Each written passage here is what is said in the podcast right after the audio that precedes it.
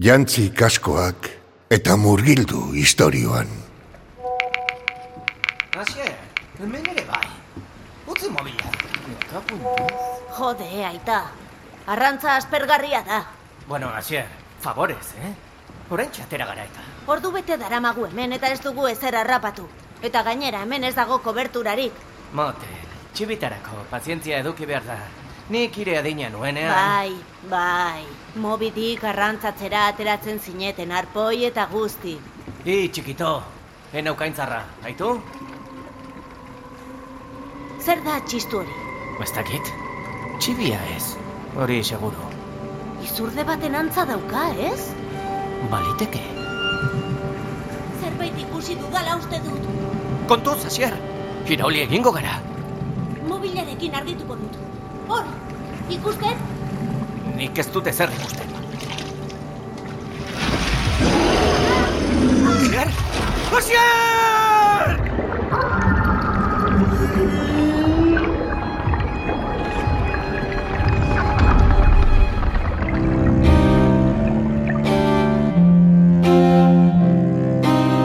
Izan bada, oraindik ezagutu ezarren.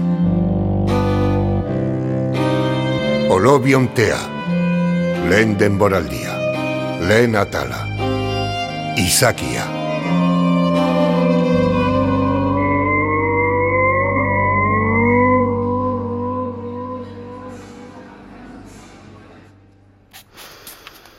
Ez, eh, hau ez, hau ez. Ez zer. Zehar izar azpimarratzen. Itxoin, ez du dena irakurtzea zamaitu. Joder. Zer? Jode, idur esan zer bai behingoz. Aurkezteko moduan ikusten duzu. Hobeto dago, aroa baina ez. Tesi hau ezin duzu oraindik horrela aurkeztu. Ze? Nola ez ez? Hor dago dena. Garbi azaltzen dut. Froga zehatzekin. Akaroek nola elkarrera egiten duten, arabar osako diptero eta koleoptero ezberdinekin. Bai eta ez. Asteko erreferentzia guztia falta dira. Zerrenda bat pasan izun gogoratzen. Haien erdiak ere ez daude hemen. Harrigarria agian, baina gizonezko guztiak utzi dituzu kanpoan. Bale, sartuko ditut. Baina haiek ez gaituzte gu hortan sartzen. Baina hori ez da gehien keskatzen hauena. Hemen diozu. Amabos familia eta berrogeita sortzi espeziak aro, eta amairu familia eta hogeita lau espezie insektu ostalari topatuta, Iberiar penintsulako akaro faunaren hogeita lau aipamen berriren ekarpena egiten da. Eta horrela da, urtebete baino gehiago eman dut landa azterketan. Ta nik badakit hori... Bide batez, espezie berrietako batzuk genetikoki eraldatuak edo berriki sortuak izan daitezkenaren zantzuak daudela ohartarazten da. Genetikoki eraldatuak? Bai, Berriki sortuak, benetan? bai horrela da, ziur nao. Aroa, mesede. Baina horrela da, idurre. Horiek ez dira naturalki sortuak izan. Aroa, azken aldian nire eskuetatik pasaden ikasle talentu dunen azara. Akaro Florentxe bikaina izango zara, ziur nago. Baina ez ahaztu zientzilaria garela. Utzi albo batera behingo zure konspirazio teoria burugabe hoiek. Benetan gertatzen ari da, idurre. Manipulatu egiten gaituzte. Bai, bai, noski, noski, zeintzuk oraingoan. George Soros, Josu Jonimaz, Estralurtarrak berriz, Bilderberg kluba agian, favorez. Behar bada dena gauza berbera dira. Hene nahikoa. Gogoratzen duzu serna profesorea? Bai, noski. Biosfera ilunari buruzko bere lana nire inspirazio iturria da. Eta gogoratzen duzu nola bukatu zuen? Oraindik ez dago garbi bere gorpuan. Itxasoan galduta. Burua galdu zuelako. Hoixe bera. Tira, mugitu beharra dut. Amar minututan biologia sistemikoaren ikasgaia eman beharra dut medikuntza fakultatean. Hola, tani? Ta tesia? Nere tesi zuzendaria zara? Oraintxe esango dizut. Urrengo asterako esandako erreferentzia guztiak sartuta nahi ditut. Eta batez ere, aipamen neurotiko hie guztiak ezabatuta. Ondo ulertu duzu? Zure tesi zuzendariaren agindua delako. Heme alfa bezala hitz egiten duzunean oso interesgarria jartze zara. Badakizu? Bai, noski. Denek esaten diate. Batez ere nire senarroiak. Begira, agian bera da. Bai, larrosa sorta batekin seguruena. Bueno, edo konpainia multinazional maltzur horietako bi morroi agian, ez da? Ni baitzeko presta. Idurre aldazabal? E, bai, eta zuek nortzarete. Ez dio axola. Gurekin etorri behar duzu, berehala.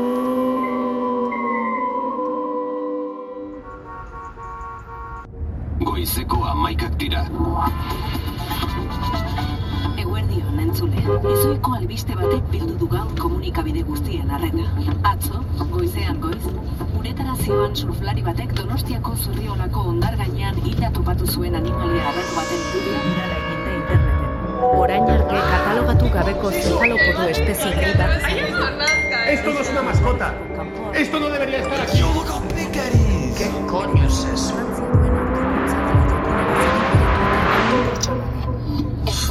oraindik ondartzaren zati bat esitua dauka, ez da, Jon? Bai, ala da maite. Hemen gauden lekutik ikus liteke operatiboa naiz eta dagoeneko katalogatu gabeko animalia hemendik eraman duten. E-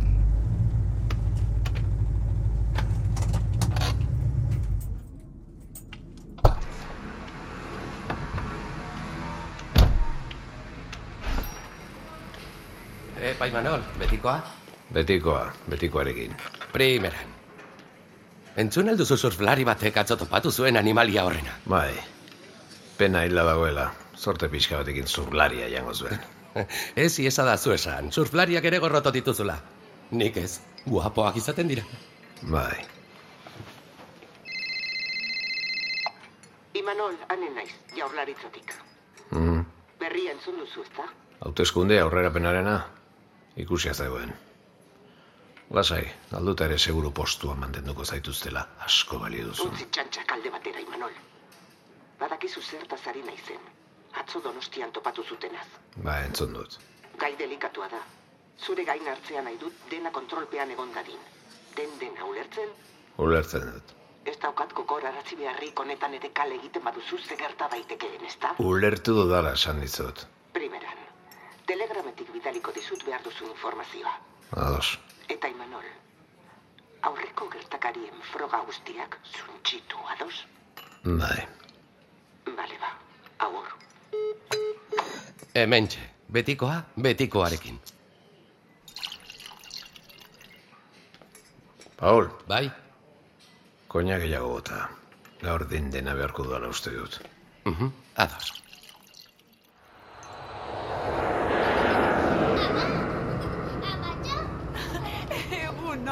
Yeah, I just arrived in Bilbao. I'm at the airport right now. I, I'll handle it. I always do, don't I? Sure. I'll let you know. Do you need a taxi, Sir? Ja, donostiara, alduzun azkarrena. Presa daukat. Aiba, euskeraz badakizu?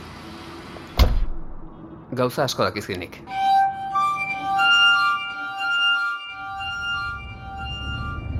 Barkatu, nora naramazue? Lasai, berehala iritsiko gara. Bai, bale, baina nora, zertarako? Han esango dizute. Hau, hau sineste zeina da benetan, eh? Bi mezu dituzu zure erantzun gailuan. Entzuteko sakatu bat. Informazio gehiago nahi izatera. Sakatu bi. Bosgarren aziz, bai. Etxean dituzu zure liburu eta tramakolo guztiak. Mesedez, itxi dezagun hau. Gilipollas. Idurre, ondo zaude? Baituta eraman zituzten bi gorila horiek ertzaina ziren, ez? Zerbait egin dizute kabroi horiek. Bidalia zuzuen kokapena eta lagun batzukin erreskatatzen saiatuko naiz. Eutxi, idurre. Jode, falta zitzaidan.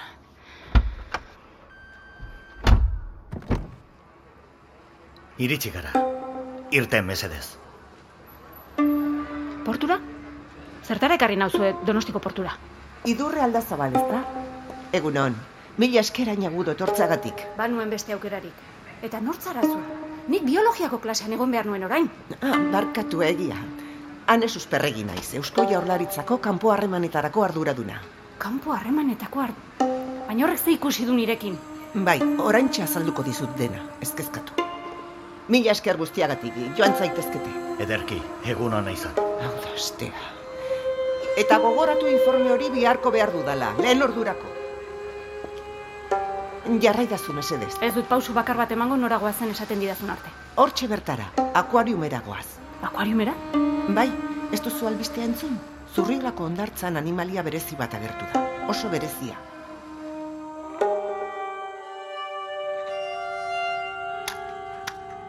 Ea, grabatzen. Autopsia egin beharreko izakiak, oraindik klasifikatu gabeko espezie batekoa dirudi lehen begiratuan. Zu, ez egon hor geldirik, lagundu hemen. Bai, jauna, baina ez genuke itxaron beharko... Etortzeko esan dizut, hartu neurketarako tresnak. Bai. Izakiak bi metro eta berrogeita amabi zentimetro neurtzen du luzeran, eta ia metro bat eta amar zentimetro zabaleran. Argitu hemen, burualdean. Ez da zefalopodoa, hori ziur.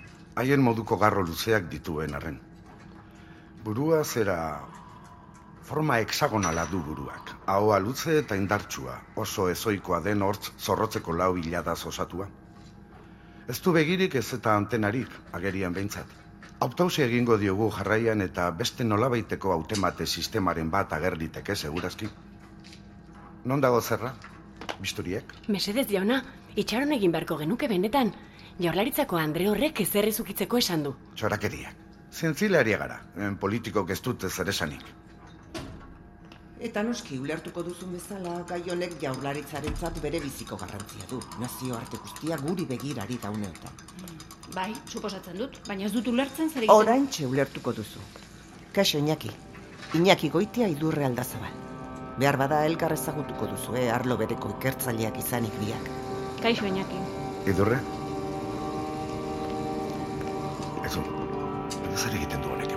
Laguntza guztia ondo etorriko zaigu. Honenetakoa dela esan didate. Honenetako. Kontuz, ez urbildu gehiagi. Baina, ze arraio da.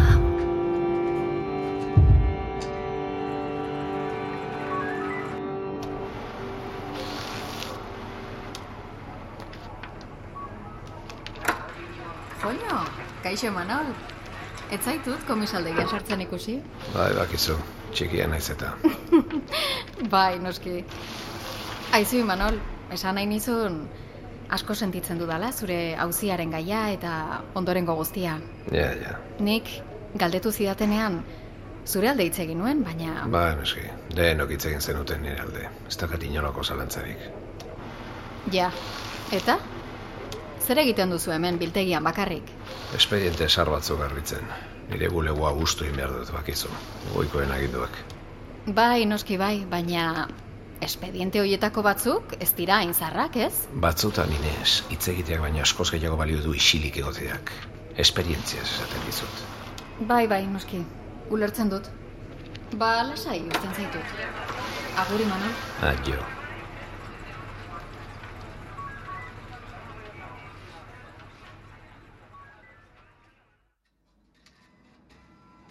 Hau da atzo zurriolako ondartzan topatutako izakia. Hene, zefalopodo erraldoi bat dirudi, baina... Baina ez da. Baina ze arraio da hau. Hori da zuzen ere zuek erantzun beharko duzuen galdera aldazabal doktorea. Zuek? Nola zuek? Ez duzu usteko nik neskato honekin batera lan egingo dudanik, ez da? Nik neskato izateari aspaldi utzi nion Iñaki. Dagoeneko ez naiz orain hamar urte bere artikulua zure izenean argitaratzeko baimena eman behar izan zion tuntunura. Nola? Ze artikulu? Ze esan nahi duzu? Eta zer egiten du izaki honek autopsia mai baten gainean edo zein arategiko txekor bat baliz bezala. Hori ere azaldu egin behar dizut? Zientzilarion lana da ikerketak egitea. Ez jakintasunaren azala urratu eta egiaren muinera joatea. Eta hemen... Txorakeriak eta hitz utxalak. Zientzilariok ausartak bezain humilak izan behar dugu. Eta hipotesi guztiak zabalik utzi. Ze hipotesi eta ze arraio? Hilda dagota. Ezagutzen ez dugun izaki bat da, nola dakizu hori? Eta bere mikrobiota hori ere hilda dago? Aztertu duzu hori aldez alde zerrarekin zabaltzen hasi aurretik? Mikrobiota. Ba... Zu! Hartu izakia kontu handi zorgatilean eta sartu poliki-poliki urgaziko arrainontzia handi horretan. Bizkor! Neurtu salinitatea. Hogeita mar eta hogeita mazortzi artekoa izan dadila beti. Eta ez dezala zuzenean argirik jaso. Banoa. Urgazia? Baina protokolo zientifikoa... e- Hau ez da ohiko protokolo zientifikoen arabera ikertu beharko izakia, goitia doktorea. Hau, beste zerbait da. Nola? Ze esan nahi duzu beste zerbait horrekin? Eta nortzarazu? Utzi da zu aurkezpenak egiten. Matthew Mendoza doktorea. Biomedical Research Instituteko ikerlari burua. Eta nazioarteko lankidetza proiektu honetan, estatu batuetako ordezkaria. Plazer bada nire aitonaren herrira itzultzeko aukera izatea. Nazioarteko lankidetza proiektua? Estatu batua, baina ez dut ulertzen zer da guztia. Lasai, izango duzutena ondo ulertzeko hastia. Eta gainera ni nor naizen ez da garrantzitsua. Ikusi ahal izan dudanez Imanolek pasatako referentzia guztiak zuzenak ziren. Proiektu arduradun bikaina izango zara idurre. Proiektu arduraduna? Aizu baina... Baina bueno, orain nire herrian esaten duten moduan, showtime. Prest daude idurre. Ez dizut ulertzen. Prest zertarako. Prentxaurrekoa dugu orain. Hemen goian, akuariumean. Denak zure zain daude. Nire zain? Baina ze prentxaurreko?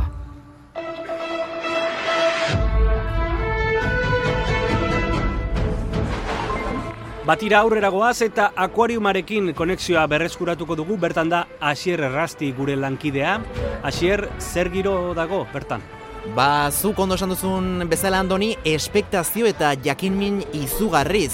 Berrogeitik gora komunikabide bildu gara hemen, akuariumeko proiektzio sala lepo dago, eta nazioarteko kazetarien presentzia ere oso handia da.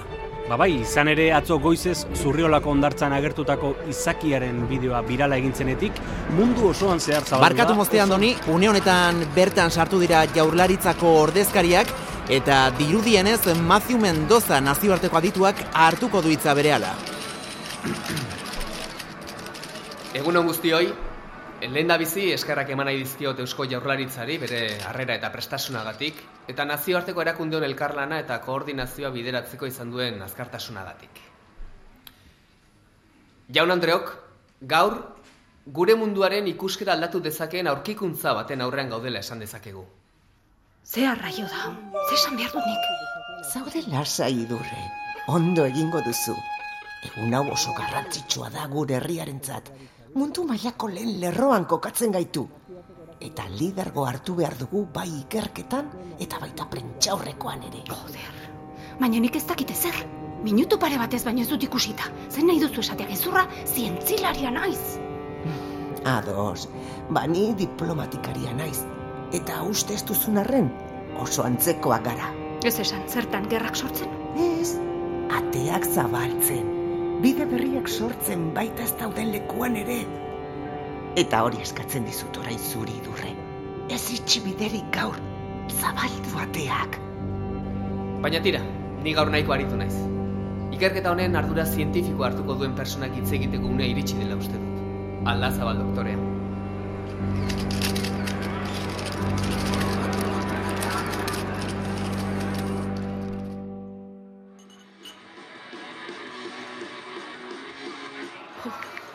Nire mezu irakurri du baina ez erantzun. Nor? Idurrek la hostia. Ez aldizut esan polizia batzuk baitu dutela. Jode, kaka derramaten aiza tipa horrekin, eh? Zure irakaslea dela jakingo ez banu, gaizki pentsaten hasiko nintzateke. Ez zioten ubikazioa bidaltzen utziko. Behar bada soto batean daukate, behar bada torturatuta, edo... Edo behar bada akuariumean prentxaurreko bat ematen. Zer? Nola? Hor, telebistan agertzen den hori ez alda. Idurralda zabal ipintzen du. Bai, bera da. Eskatu tabernariari musika kenduta telebista ozen jartzeko. Venga, aguro! Jode! Ze guapa, eh?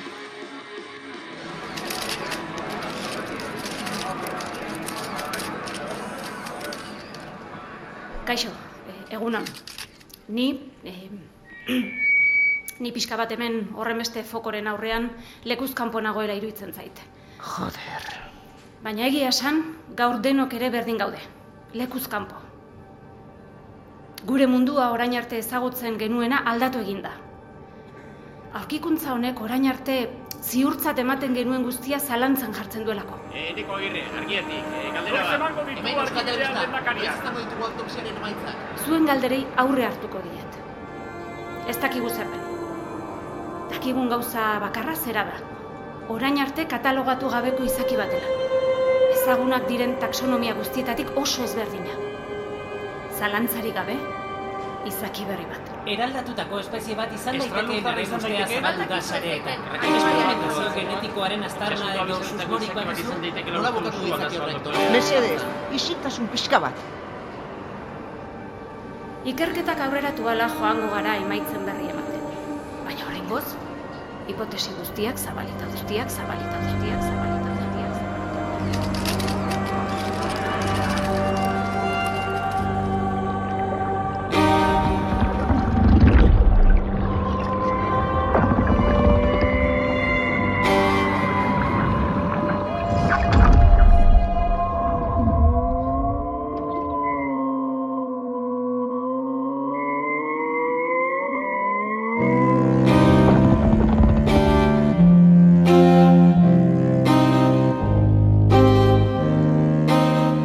Olobiontea, Ulu Mediak EITB podcastentzat ekoitzitako soinu fikzioa da.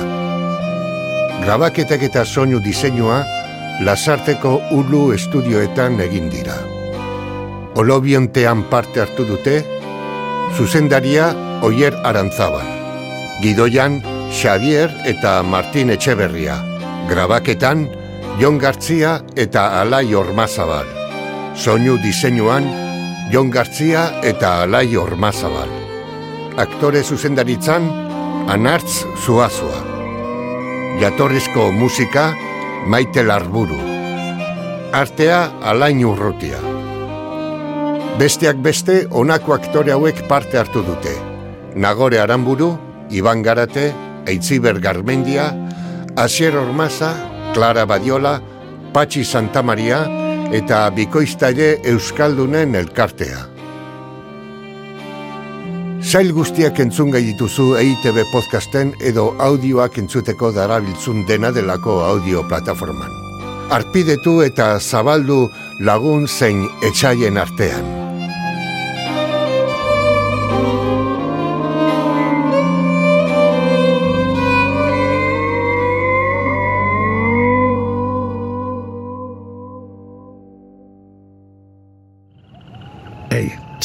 Entzun hori. Ulu Media.